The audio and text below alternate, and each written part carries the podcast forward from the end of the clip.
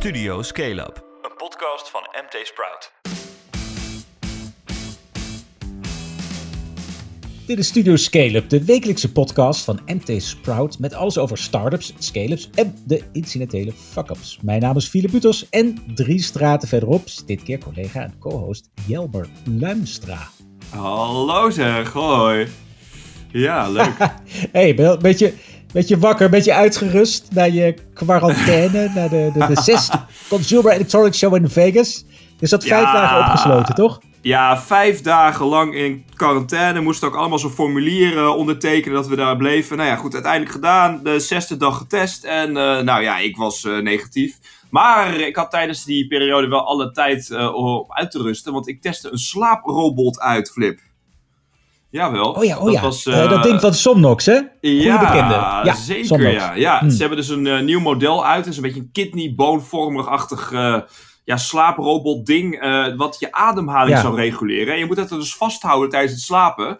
Eh, ja, zij willen er. Amerika mee veroveren. En eh, ja, ze zijn lekker bezig nu.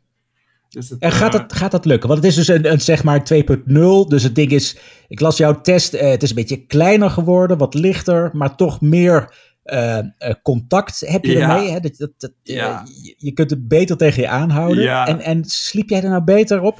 Nou, ik vond het wel een hele opgave hoor. Je moet naast. Niet, niet op je adem letten. ja, de laatste, niet erop. Nee. nee, het probleem is, je moet niet op je adem letten. Dat ding gaat de hele tijd ademen. Dus het is na een tijdje went het wel een beetje. Maar wat ik vooral handig vond, is dat je hem gewoon even lekker naast je legt bij de televisie kijken. En dan kun je eigenlijk voordat je gaat slapen al een beetje soort van in die rust komen. En eh, zo werkt het voor mij wel weer heel aardig. Maar goed, een Ja. stuk dat staat op eh, MT Sprout. Dus eh, de, de luisteraars die kunnen het via de show notes zeker even bekijken. Ja, het verschilt denk ik per persoon. Heel benieuwd. Ja, ja, ja, wel heel grappig. Ja. Hey, en oké, nou ja, je bent dus extra goed uitgeslapen, dus Ja. jij weet ook wat zijn dit keer de main, de main topics. Oh yeah. Alright. De 12 genomineerden voor de MT Sprout Startup van het jaar, die zijn bekend. Dat is ons eerste topic. En als tweede, Ja. de succesvolle ondernemers, die geven steeds meer gas als investeerder. We gaan beginnen.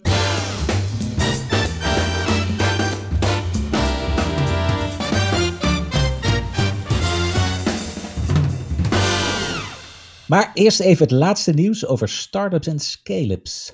Yes, yes, yes. We beginnen met een eh, nieuwtje over de Schotse bierbrouwer Brewdog. Want eh, ja, die willen namelijk naar de beurs. Het bedrijf van de bierbrouwers met punkmentaliteit James Watt en Martin Dickey zou volgens de Britse krant Mail on Sunday 2 miljard waard zijn. Een beursgang zou volgens Watt dit jaar kunnen plaatsvinden of ergens in de toekomst. Ja, en dit jaar hoopte de punkbrouwer in ieder geval 400 miljoen blikjes te verkopen. Ja, wat ik me een beetje afvraag, zou ze nou echt snel naar de beurs gaan, Flip, denk je? Of is het weer zoveelste beursaankondiging van een bedrijf dat Ja. gewoon even in de media wil komen? Wat, wat is het? Wat, hoe kijk jij daar tegenaan?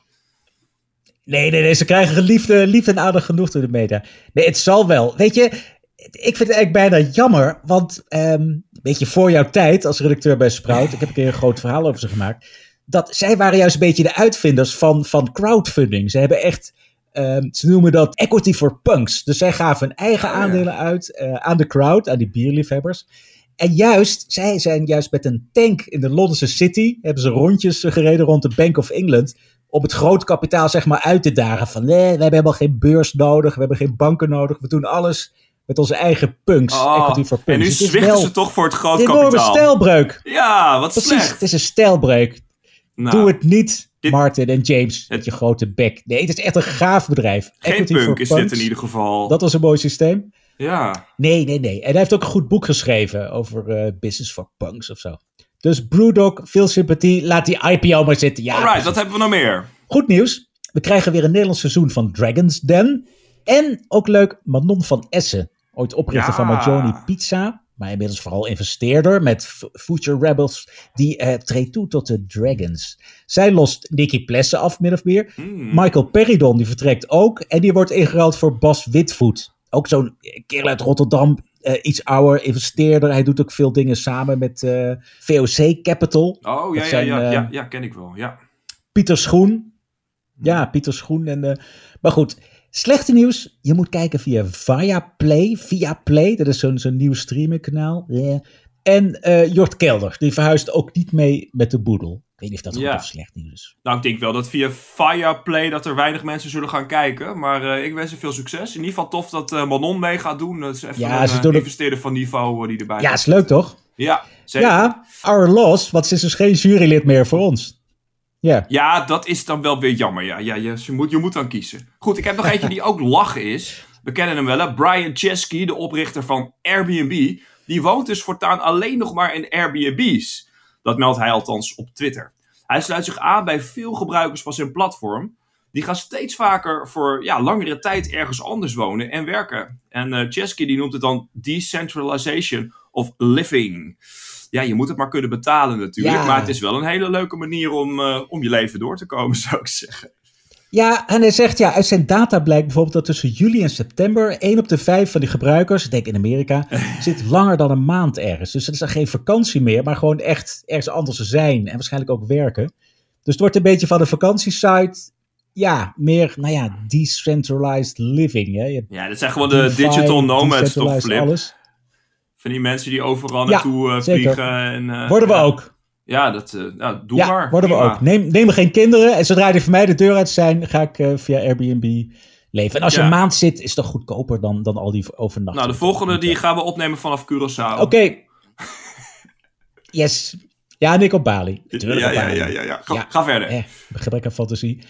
hey, we hebben ook weer een nieuw venture capital fonds erbij. Curiosity. Alright. Curiosity, dat richt zich op AI-startups, artificial intelligence. Nou, het wordt geleid door een veteraan, Herman Kienhuis. Die kennen we nog als oprichter van KPN Ventures en van Sanoma Ventures.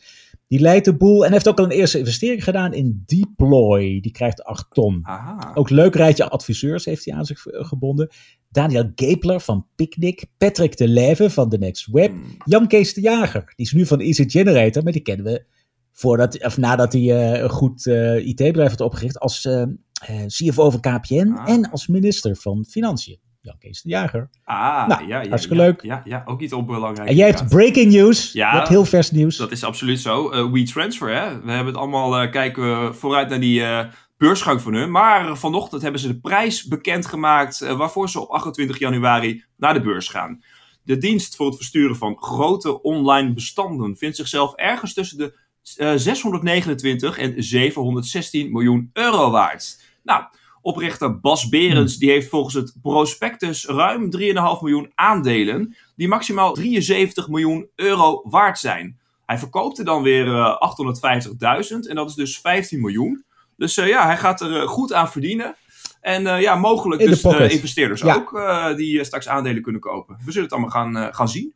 Ja, ik heb dat even uit, uit prospectus gepikt. En het, zijn allemaal veel cijfers. En het is afhankelijk van hoeveel interesse er is. wat de koers is en zo. Maar Mm. het zou minimaal, moet, moet Bas in ieder geval 15 miljoen overhouden. Nou, verdiend. En de grap is ook, het is dus geen unicorn. Het is dus niet meer dan een miljard geworden. Eh, ik zat vorig jaar ook een beetje te plussen te binnen. Van ja, het is wel een paar honderd miljoen. Maar Mm. halen ze dat miljard nou? Nou, dus net niet. 700 miljoen zou mooi zijn. Nou, het hoeft dus blijkbaar ook niet. En is er verder nog geld opgehaald door startups en scale-ups, Jelmer? Ja, zeker. We moesten deze week wel scherp kiezen, want er waren zoveel deals. Eh, maar goed, een selectie hier. Allereerst Rick Pastoor. Hij werkte ooit bij Blendel, maar de meeste van jullie zullen hem waarschijnlijk kennen van zijn boek Grip. Dat staat vol met tips om efficiënter te werken. Best een eh, interessant boek op zich. Hij heeft nu 3 miljoen opgehaald met een eigen start-up. Rice Calendar heet dat. Nou, dat eh, bedrijf wil met zijn software vergaderen efficiënter maken. Nou, het is op zich wel interessant, want eh, enkele klinkende start-up namen die doen als angel mee. Onder wie Slack-topman Stuart Butterfield, Molly-oprichter Adriaan Mol, Pastoors oude baas en Blendel-oprichter Alexander Klupping en ook bijvoorbeeld Boris Veldhuizen van Santen Oh ja. van de Next Web. Dus eh, ja, ga het in de gaten houden, zou ik zeggen. Toch wel allemaal ondernemers die investeren. Ja, Ja, goed dan hoor. een hele andere. miljoen euro is opgehaald door No Palm Ingredients. Dat is een start-up die maakt een, duurzame alternatief voor palmolie. De de start-up van Lars Langhout en Jeroen Hugenholz. Die haalt olie uit onder meer aardappelschillen en afgeschreven groenten. Eh, en die olie verkopen ze dan aan de cosmetica- en schoonmaakmiddelenindustrie. Die 1 miljoen euro die komt van onder meer het Future Food Fund, Ja. Ecos Capital en een paar angels. Hele mooie missie waar ze mee bezig zijn. Daar gaan we vast nog veel van horen. Startup Workwise dan. Dat bedrijf had anderhalf miljoen euro op bij onder meer P Capital en een paar opvallende angels. Max Kleinstra en Milan Daniels, ja, dat zijn dus de oprichters van modeplatform Otrium. En ook nog bij Marnix Broer, de oprichter van Studoku. Workwise, uh, dat levert een inkoopplatform voor thuiswerkspullen. En uh, ja, onlangs uh, spraken we Workwise-oprichter Michiel Meijer nog. hij heeft de smaak aardig te pakken. Volgend jaar wil hij een Serie A-ronde beginnen, dus echt een wat grotere ronde. Je vindt ons interview met hem in de show notes. Ja, lezen. Door naar de main topics. Alright. Wie wordt de start-up van het jaar? Ieder januari stelt MT Sprout zichzelf die vraag en, zo ook dit jaar. Deze week zijn de twaalf genomineerde starters bekendgemaakt.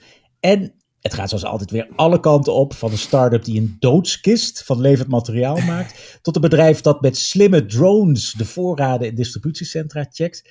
En uh, het allerbelangrijkste eigenlijk, vinden wij, is je kunt stemmen op je favoriet. In de show notes vind je een linkje naar de, naar de stempagina.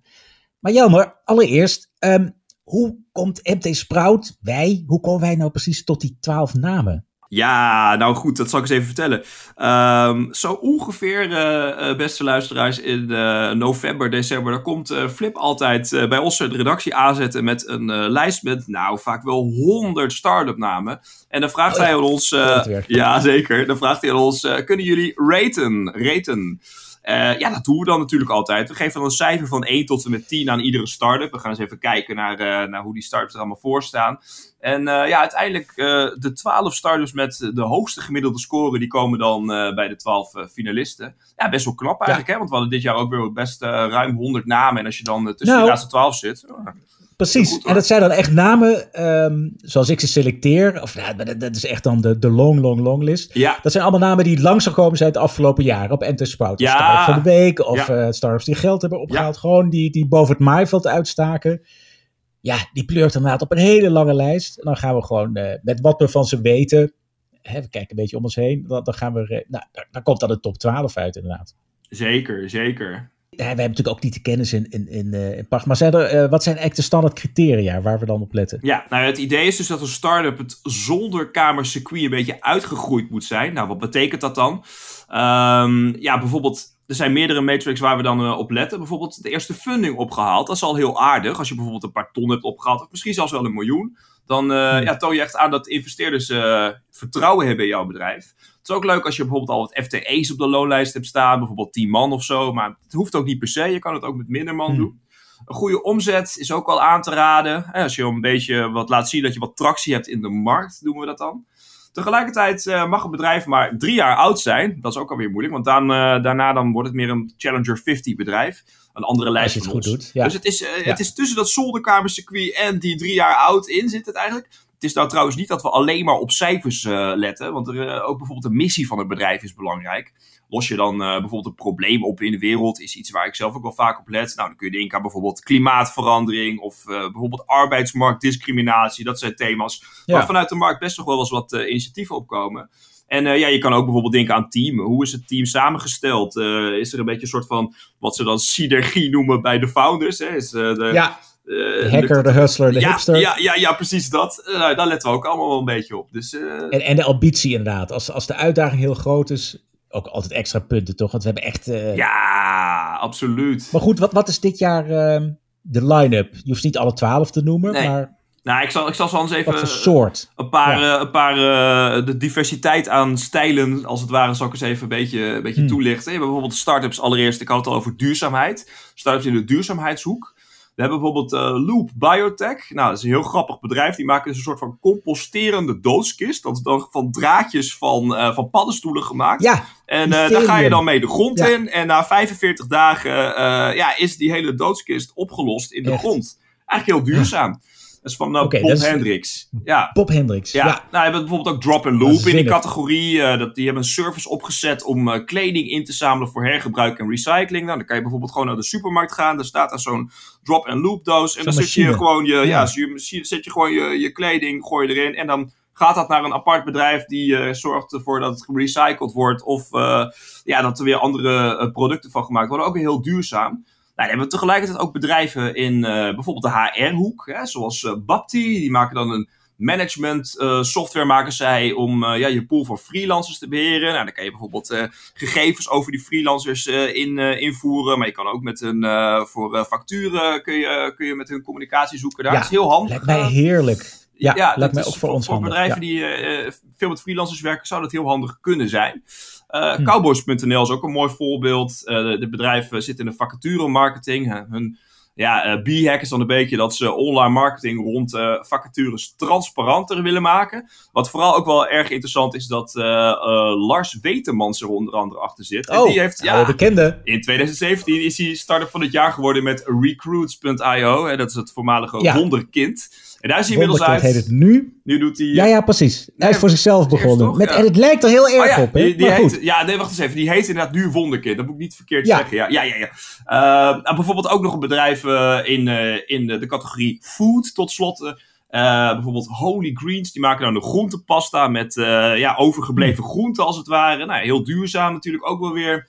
En een hard seltzer merk, Coogie, die heeft het ook geschopt tot de laatste tien. Die maken hard seltzers uh, met allemaal kruiden en, en, en fruitsoorten. Ja. Uh, het grappige is dat die hard seltzers uh, wel te, lekker zijn. Ik heb ze geprobeerd. Okay. meestal zijn die hard seltzers nooit... een beetje ja, gewoon water of zo, weet je, zo smaken ze. Maar dit, oh, ik weet er niks van. Ik drink alleen maar bier. Ja, het, het, idee is van hard seltzers, als je dat neemt, het, je kan er gewoon eigenlijk, je zit gewoon 5% alcohol in en het is minder caloriehoudend. Hè? Dus dat zou dan hun, okay. dus het is voor de fit boys, voor de millennials. ja precies. Ja, zodra die alcoholvrij is, dan, dan komt hij weer in mijn range. Nou ja, ja, ja, ja, ja, ja, precies. nou ja, hey, maar die start-ups, ja, dus je staat op een lijst, 12, uh, al die ondernemers, hartstikke mooi. Maar wat, wat komt er nu? Ja, wat staat ze te wachten? Nou ja, goed. Nu uh, is het voor hun natuurlijk allemaal te hopen dat ze in de finale komen. Die is op 3 februari. En uh, nou ja, helaas vanwege corona nog eens een keertje via Zoom. Dus dat was iets minder spannend. Maar ja, ja, er staat ze aardig wat te wachten. Want het publiek die mag tot en met 31 januari namelijk stemmen voor een plaats in, uh, in de, zeg maar, een publieksplaats in de finale. Ja, zijn, de wildcard ja, noemen we dat. De, ja. de, de, andere drie worden door de jury uiteindelijk gekozen. Maar deze uh, plaats, daar mag je dus zelf op stemmen. Nou, er wordt ook al best wel aardig wat op gestemd. Want tot nu toe hebben al okay. 2000 mensen die hebben al een stem uitgebracht. En uh, ja, dat kunnen natuurlijk alleen nog maar meer worden. Ja, zo. Ja. dat wordt wel, wel eerlijk. En ja. Um, ja, wel jammer dat, dat het uh, voor Zoom is, maar uh, ah, dat was vorig, vorig jaar ook volgens mij. We zaten ook midden in uh, de vorige, een van de vorige golven. Ja, ik vind... Toch een feestje, toch? Het was op zich een feestje, maar ja, dan zit je dus gewoon vanuit je ja, woonkamer thuis zit je dan dit te doen. En de internetverbinding is soms weer traag. En het is allemaal wel wat minder, maar goed, ja, aan de andere kant, je moet een beetje veilig doen. En laten we hopen dat het volgend jaar weer een beetje beter kan. Nee, en je zei de jury. Dus je hebt één wildcard, ja. drie worden geselecteerd door de jury. Wie zit er dit jaar in de jury? Want daar zijn we ook heel trots op, hè? Noem ze ja, nou, ik zal ze even noemen. Uh, allereerst natuurlijk een ondernemer, Valentine van der Landen van uh, ontbijtgaande merk Oats. Dan hebben we de investeerder Laura Rozenboom. Die zit dan bij Start Green Capital, maar ook bij het Borski Fund. Uh, ja, nog een investeerder is Reinder Lubbers. Die is van No Such Ventures. En dan hebben we oh ook nog de winnaar van uh, vorig jaar. Dat is uh, van Neurolytics, een HR-startup. En die uh, heet Felix Hermsen. Dus die mag ook ja. meekijken. En nou ja, de, voor de luisteraars, Flip, Philip Buters, hè, die doet het namens Sprout. Dus de man waarmee ik aan het praten ben. ja, natuurlijk. de grote voorzitter. Hey, en uh, het is leuk, ik heb uh, Felix Hermsen ja. van Neurolytics, winnaar vorig jaar, die is dus ook in de jury, heb ik gevraagd, hoe ga jij nou kijken als oud-winnaar naar die startups? Dan vertelt hij het volgende over. Ik ben zelf echt een, um, meer een, uh, iemand van de, van de innovatie, iets nieuws. Hoe kan je echt een, een markt disrupten of heb je echt iets gaafs, iets, iets compleet anders? Ik denk dat er mensen in de jury zitten die heel sterk zijn op echt de cijfertjes, de markt, wat andere vragen. Iets gaafs, iets, iets, iets innovatiefs, echt waarvan je denkt van hé, hey, dat is een briljant nieuw concept in een markt waarvan die markt dat helemaal niet kent. Of echt dat je iets kan veranderen. Ik ben vooral wel benieuwd naar die, uh, die creativiteit of die andere manier van kijken naar hoe je bepaalde problemen kan oplossen. En het is ook inderdaad de vraag die ik ook aan hem heb gesteld: uh, van wat, wat heb je eraan om, uh, om te winnen? Die, die award, behalve dat die lelijke beker? Ja, dat is een goede vraag. Hè? Ja, het is uh, natuurlijk een beker, maar voor de rest krijg je er ook uh, persaandacht door. Hè? En als ik nou eens even terugkijk naar Neurolytics vorig jaar en uh, je kijkt naar wat er nou precies over hun geschreven is. Ik zie zo wel, nou, hmm. geloof ik iets van tien berichten online staan, waarin zij dan worden genoemd als de winnaar van de start-up van het jaar. Dus dat is toch wel weer een mooi stukje bekendheid. Ja, en ik zag ze daarna ook weer in andere lijstjes opduiken. Van Ook dat? 10 HR, Tech, Startups to Watch. En eh, bij de Computable Awards kwamen ze ook in de, de laatste ronde. Dus Ja. dat is goed. Dus, dus voor hun heeft... En hij zegt zelf ook, ook die, die pitches zelf, die feedback, die Mm. neem je ook mee naar huis. Hij- Hij kan echt duidelijk maken ehm, dat, ze het product een beetje anders presenteren. Dat ze gewoon hebben nagedacht over... Sommige vragen zijn echt best kritisch. Van, eh het is niet duidelijk, eh, ga daar eens naar kijken. Ja, Dat is ja. wel tof. Maar Ja, je leert er ook ja, van, met ja. Neurolytics gaat het goed. Ehm, hoe, hoe is het met andere winnaars uit het verleden gegaan? Is dit een eh, soort garantie dat, dat je, dat je scale-up wordt, dat je unicorn wordt? Ja, daar zijn we dus gisteren eens even ingedoken. We doen dit al eh, vanaf 2012 kwamen we ook achter. En nou, meestal gaat het met de winnaars, gelukkig voor ons trouwens, wel goed. Bijvoorbeeld, nou, ik heb nog een paar uitgezocht die wel aardig waren. Schiphol bijvoorbeeld, die wonnen in 2019, online expediteur. Ze hebben nu een groot kantoor in Rotterdam. Ik was er vorig jaar nog voor een reportage over Rotterdam. En eh, ja, dat eh, Ja. bedrijf breidt alleen maar uit. Het gaat eh, hartstikke goed. Ja. En hebben we nog Cent- hebben ze erbij. ja, jij ook vind ik natuurlijk niet, niet onbelangrijk. Code Sandbox is er dan ook nog, zo'n zo'n programmeursplatform die won in 2020. En wat, Ja. waar kwamen we nou achter? Die Bas Buursma en Yves van der Hoorn, die stonden dus gewoon eind vorig jaar in de Forbes 30 under 30. Dat is echt een heel prestigieuze lijst, dus dat doen ze echt super goed. Ja. Maar ja, Forbes eh, leest ons ja. gewoon. dat zijn dan de Ja. goede namen. Dit, soms is het ook Hmm. Kiele Kiele hoor. We hebben bijvoorbeeld eh, Mini Brew. eh, Dat bedrijf voor, voor, voor biertjes. Die wonnen in 2016. En eigenlijk vier jaar later, in 2020, gingen ze bijna failliet. Op het laatste moment konden ze gelukkig nog een, eh, in afgeslankte vorm een doorstart maken. Maar wat was nou het probleem? Ze konden, ja, hun investeerder die haakte op het laatste moment af. Waardoor simpelweg het geld op was. De runway, zoals ze dat dan noemen. Ja, Dus die is, brouwrobots, die verkochten wel. Maar ja, hardware is hard, hè. Dus echt letterlijk eh, zo'n brouwmachine. Ja. ja, het klopt toch maar weer. En ja, het ziet, eh, ja soms eh, hoor je ook gewoon eh, eigenlijk weinig hoor van winnaars. Bijvoorbeeld eh, Travis the Translator, die maakte dan zo'n vertaalapparaatje. Wonnen in 2018. Ze schijnen nog steeds Ja. te bestaan, maar ja, ik weet niet, gebruik jij een apparaatje nou? Ja, ik moet bekennen, Google Translate af en toe. Nou, Maar, precies, eh, ja. Met, Ja. met ja. Dus, Nou ja, sorry. Hey, en wat ook fascinerend is, die genomineerden die niet, die soms niet eens de finale haalden, maar die dan niet hebben gewonnen. Zoals eh Bugs en Bunk en SandCloud, eh, allemaal unicorns. Felix, die scootertjes, gaat ook heel hard. 3D Hubs, wat ook echt een Och, heel och, groot och. succes geworden, verkocht aan, aan eh, Amerikanen. Lightyear, ook geen kleintje, hebben Ja, allemaal niet gewonnen. Dat is toch eigenlijk zonde, hè? Want eh zulke goede bedrijven. Maar goed, ja, ik eh, zit niet in de Het is ook altijd moeilijk kiezen hoor. Nee, het is altijd moeilijk kiezen. Maar Ja. dit jaar, wat, wat is jouw favoriet? Ja, wat ik al zeg, ja, ik zit natuurlijk niet in de jury, dus ik mag dat ook zeggen. Eh, ja, wat, als ik een beetje kijk naar de, de winnaars door de jaren heen, valt me op dat heel veel winnaars eigenlijk een beetje in de B2B-hoek zitten, in de software-hardware-hoek. Ja, Ja, soms ook wel een beetje schalen. droog eigenlijk, hè? Dus wat mij betreft mogen we wel eens Ja, saai is goed. Ja, nou, dat zou je kunnen zeggen. Maar ik vind het ook wel eens leuk om eens een keer een flitsend consumentenproduct eh, te hebben. Is even wat minder Ja. in de software. Dus eh, ja, ik, ik was eigenlijk wel ge- ge- gecharmeerd van die, die paddenstoel eh, van Loop Biotech. Misschien ook wel een beetje duurzaam. Wat mij betreft mogen die winnen. Of misschien dat Cookie, hè? Die, die seltzers. Hmm. ja, het is toch oprecht wel een lekker drankje. En ja, ook wel weer beter voor je gezondheid als je dan alcohol wil drinken. En het spreekt lekker aan. Dus nou, wat mij betreft mogen die het gewoon doen. Ja, nou, de, de jury eh, houdt het allemaal in beraad. Neem het maar mee! het zou, wel een, ja, het zou wel een historische stijlbreuk zijn. Als het een keer een, niet een B2B SaaS-ding worden. Niet saai. Nou ja, door dat volgende topic. Ja. Dat hebben we nou wel vaak genoeg gehoord. Het geld klotst tegen de plinten als het om investeringen in start-ups en scale-ups gaat. En dit vinden we opvallend. Steeds vaker zijn het succesvolle ondernemers die zelf als investeerder aan de slag gaan. Vandaag lanceerde Dutch Founders een nieuwe tweede ronde van 62 miljoen euro. Dat geld komt allemaal van ondernemers en het gaat de komende jaren uitsluitend naar marktplaatsen. Hier legt ondernemer en oprichter Patrick Kersenmakers uit waarom. Omdat er nog zoveel markten ontransparant zijn.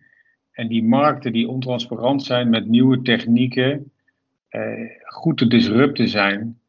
Vraag en aanbod kun je heel goed op elkaar afstemmen met de juiste techniek. Het is wel het kip en het ei, maar als je eenmaal die nood gekraakt hebt, kun je enorm groot worden en enorme mooie marges maken in die marketplaces. Zeg Flip, jij eh, sprak hem ook eh, voorafgaand aan de lancering natuurlijk nog even. Ehm, wie heeft Kersenmakers eigenlijk als geldschieters achter zich staan? hij heeft het opgericht, het fonds, uh, drie jaar geleden met uh, Bas Berends van WeTransfer. Haha, die heeft binnenkort ja. ook wat, uh, die is wat meer liquide straks, 28 januari. Laurens Groenendijk, die ken je, is een van de medeoprichters, ook vroege investeerders in Just Eat. Dat was uh, Deens-Brits. Het is ooit samengegaan met Takeaway natuurlijk. Goede ja. klapper gemaakt. Hij zit in Hyper op dit moment. Treatwell was ook een, ook een marktplaats waar hij ook echt vrij snel op kon cashen. Ja. En dan in dit nieuwe fonds, dit is het tweede fonds, 62 miljoen euro.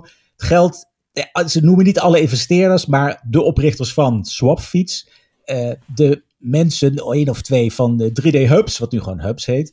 En ah. uh, Marco Aarnink, die mag ook genoemd worden, van ja. print.com en uh, drukwerkdeal daarvoor. Nou, en verder nog tientallen investeerders die dan uh, ja, ook ooit een keer gecashed hebben of gedeeld gecashed hebben. En die zeggen van, nou, we doen gewoon mee. het is eigenlijk een, ja. Ja, een uit de hand gelopen clubje Angels dat langzaam maar zeker stap voor stap eerst een Angel clubje heeft gevormd. En toen Patrick, Bas en, en Laurens mensen toen echt een VC hebben, hebben opgericht. Ja, leuk. En als je de starter bent en nou ja, je wil naar hen toe gaan, voor wat voor bedrag kan je eigenlijk bij hun aankloppen? Ja, zij zitten in de seed en pre-seed. Ze zitten vanaf 2,5 ton tot 1 miljoen. Dat is eigenlijk dat is mooi, want je zei net, het, het klotst tegen de plinten. Ja, het, gaat, het is keer drie gegaan of zo, venture capital in Europa. Maar juist die vroegste fase, die kleine bedragen, daar zit nog altijd enorme behoefte aan. Enorme gat, zeker in Nederland. Is heel tof dat zij dit doen. Uh, ze richten zich wel op heel Europa. En ze hebben ook echt een netwerkje van scouts, is Patrick aan het werken. Uh, die dus in het buitenland, in Kroatië zit iemand, in Portugal zit iemand, Duitsland. Uh, ja, ook een aantal deel van Oost-Europa. Die, die, die speuren gewoon zeg maar dagelijks naar, naar de beste deals, naar in ieder geval de beste ondernemers. Hmm. En dan gaat het om marktplaatsen of om sites die, die uh, profiteren van een netwerkeffect. Dus een marktplaats is, ja, is handel. Dat, uh, dan zou je kunnen denken van ja, er zijn al, uh, al die marktplaatsen en Ubers en wat heb je allemaal. Maar Patrick zegt van het hoeft ook niet een nieuwe markt te zijn. Het kan ook een deel van de markt zijn. Dus hij geeft als voorbeeld een marktplaats waar beheerders van windmolenparken ingenieurs kunnen, kunnen inschakelen die de boel uh, inspecteren. Of uh, oh, ja. Wink Academy, waar ze heel recent in zijn gegaan. Hij zegt dat is ook in feite een marktplaats. Hè? Dat, is, dat is eigenlijk EdTech. Het is een Mhm. opleidingsinstituut voor, voor, voor tech-opleidingen. Maar daar ontmoeten ook de leerlingen, ontmoeten de lui die die opleidingen aanbieden. De, Ja, ja, ja. de docenten. Dus dat is ook vraag en aanbod bij elkaar brengen. Dat is een marktplaats. En net zoals hij zegt, van als je dat lukt, dan is je kostje gekocht. En dan mag het een niche zijn. Maar als dat wereldwijd schaalbaar is, dan, eh, ja, dan zijn we aan boord. En dan verwachten we Ja, ja. veel dingen. Ja, Treatwell was ook zoiets. Ja, kappersafspraken. Ja. Ik denk ook, ja, de zoveelste. Nou, dat ging ook super snel. ja, je zou zeggen En, dat, ehm, dat marktplaats misschien ook al wel weer een beetje over is of zo. Maar het eh, blijkbaar is Ja. nog steeds een marktplaats voor alles, hè?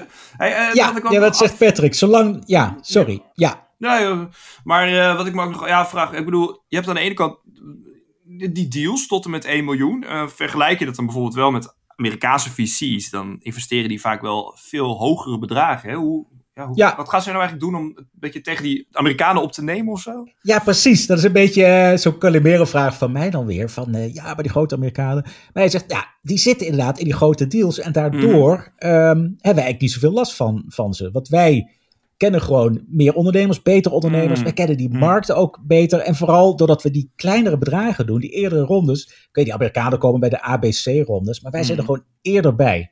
Dat is één ding. Dat Ja. profiel van marktplaatsen, en netwerkeffecten en de ervaring die ze mee hebben, dat, dat, dat geeft ze echt een, een edge. Dat geeft ze echt, eh, ja, een soort unique selling point als, als fonds. Ja. En ze zijn natuurlijk zelf ondernemers. Dus ook als ik een starter ben met een marktplaats in Kroatië, ja, dan zou ik denk ik liever eh eh, Laurens Patrick en, en eh, hun vrienden, vriendinnen op, op, op mijn nek hebben. Of, of als sparringpartners hebben. Dan Mhm. een of andere Amerikaan die, die, die er van heel financieel naar kijkt. En gewoon ieder, ieder maand weer vraagt van, en hoe gaat het met de metrics? En de...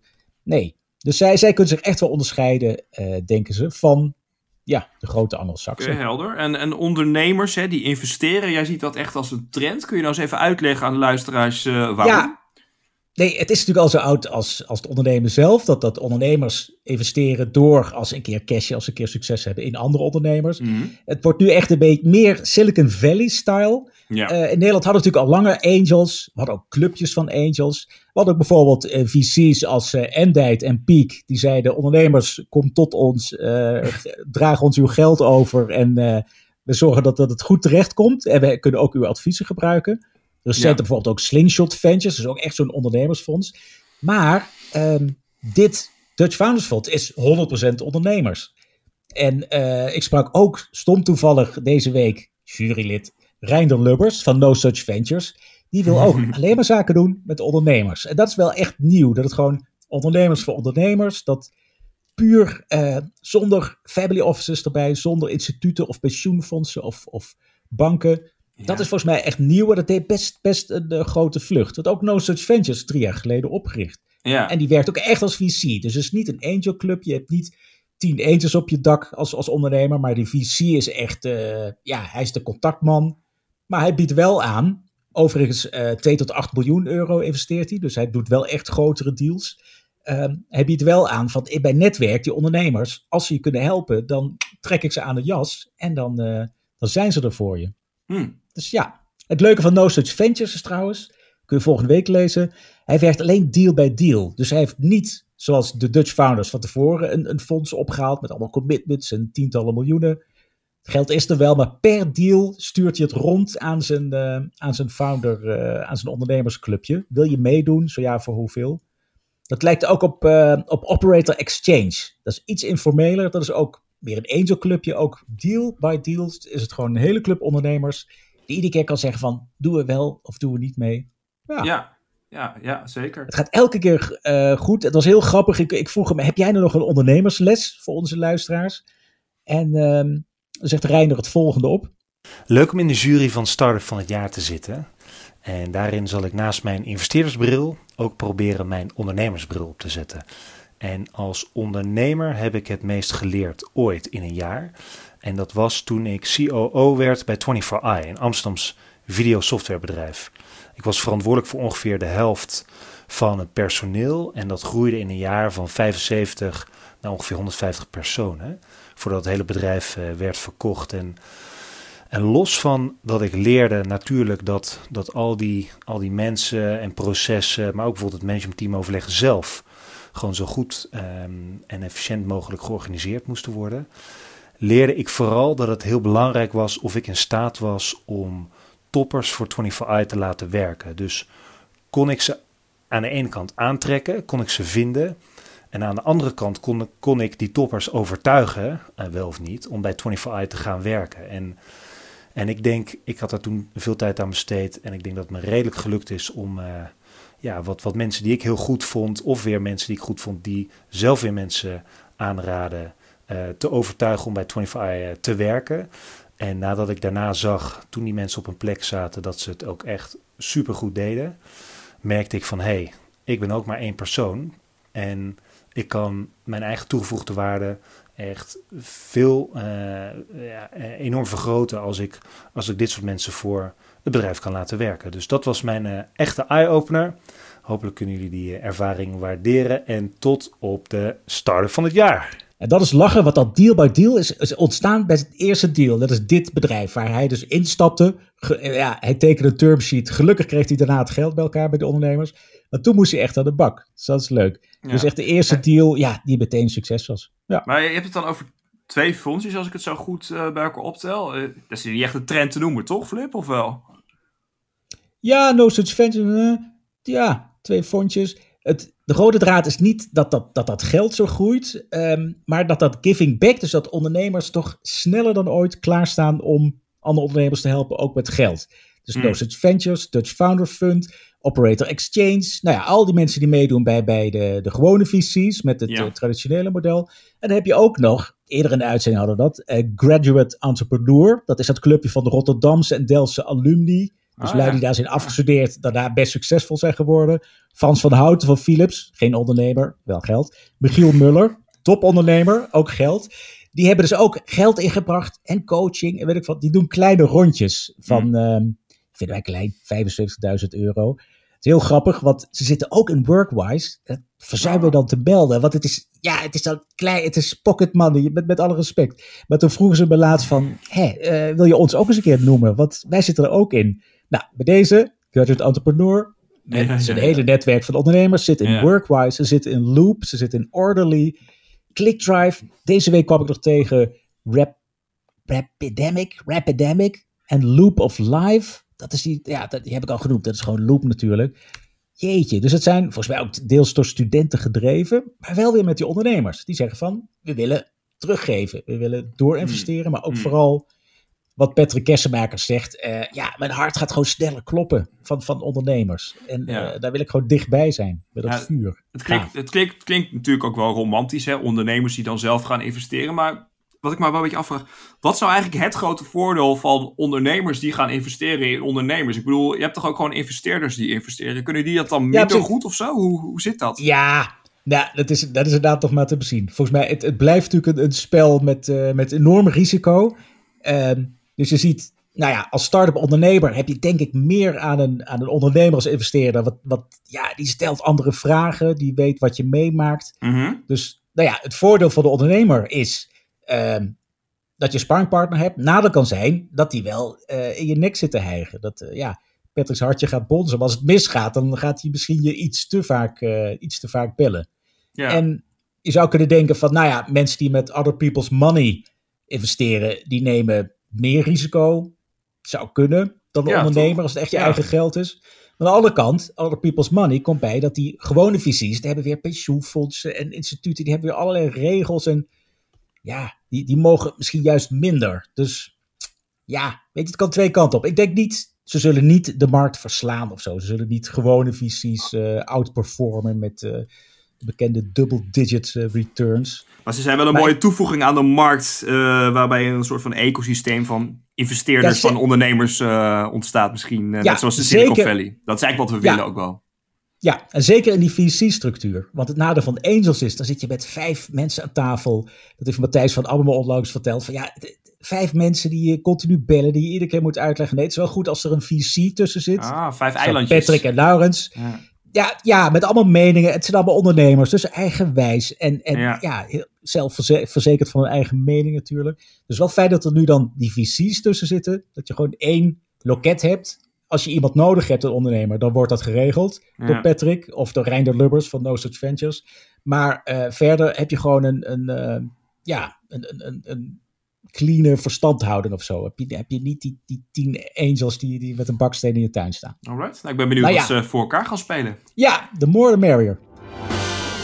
Dit was Studio Scale-up, aflevering 39. Vergeet je niet te abonneren op Spotify of je favoriete podcast-app. Deel de podcast ook vooral met vrienden, kennissen en kom met feedback of vragen. Kan altijd, philip.mtsprout.nl. Jelmer, bedankt dat je er was. Famous last words. Nou, ik ga eh, maar weer eens even eh, slapen vannacht met die Ja, ja. dan maar. Hè? Ja. Op die slaap. Nee, daarnaast, niet Daarnaast- erop. Niet erop, daarnaast, Nou, zeker. heb Nou, dat was weer leuk. Heb je, ja. Nou, heb je het wel eens geprobeerd erop? Misschien kan het. Eh, Het lijkt me nogal pijn doen, alsof je op een ert ligt. Hè? Dat schijnt eh, niet echt eh, handig te zijn. maar goed, ja. Hij Misschien... wil eh, niet even voelen of zo. Gadver. Nee. Nee, nee, Nee, doe maar, doe maar niet. genoeg. nee, Nee. Dat, dat doen we maar niet. Nee. Oké, bedankt voor het luisteren. Jij bedankt, Jelmer. Iedereen tot ziens en tot de volgende aflevering. Alright.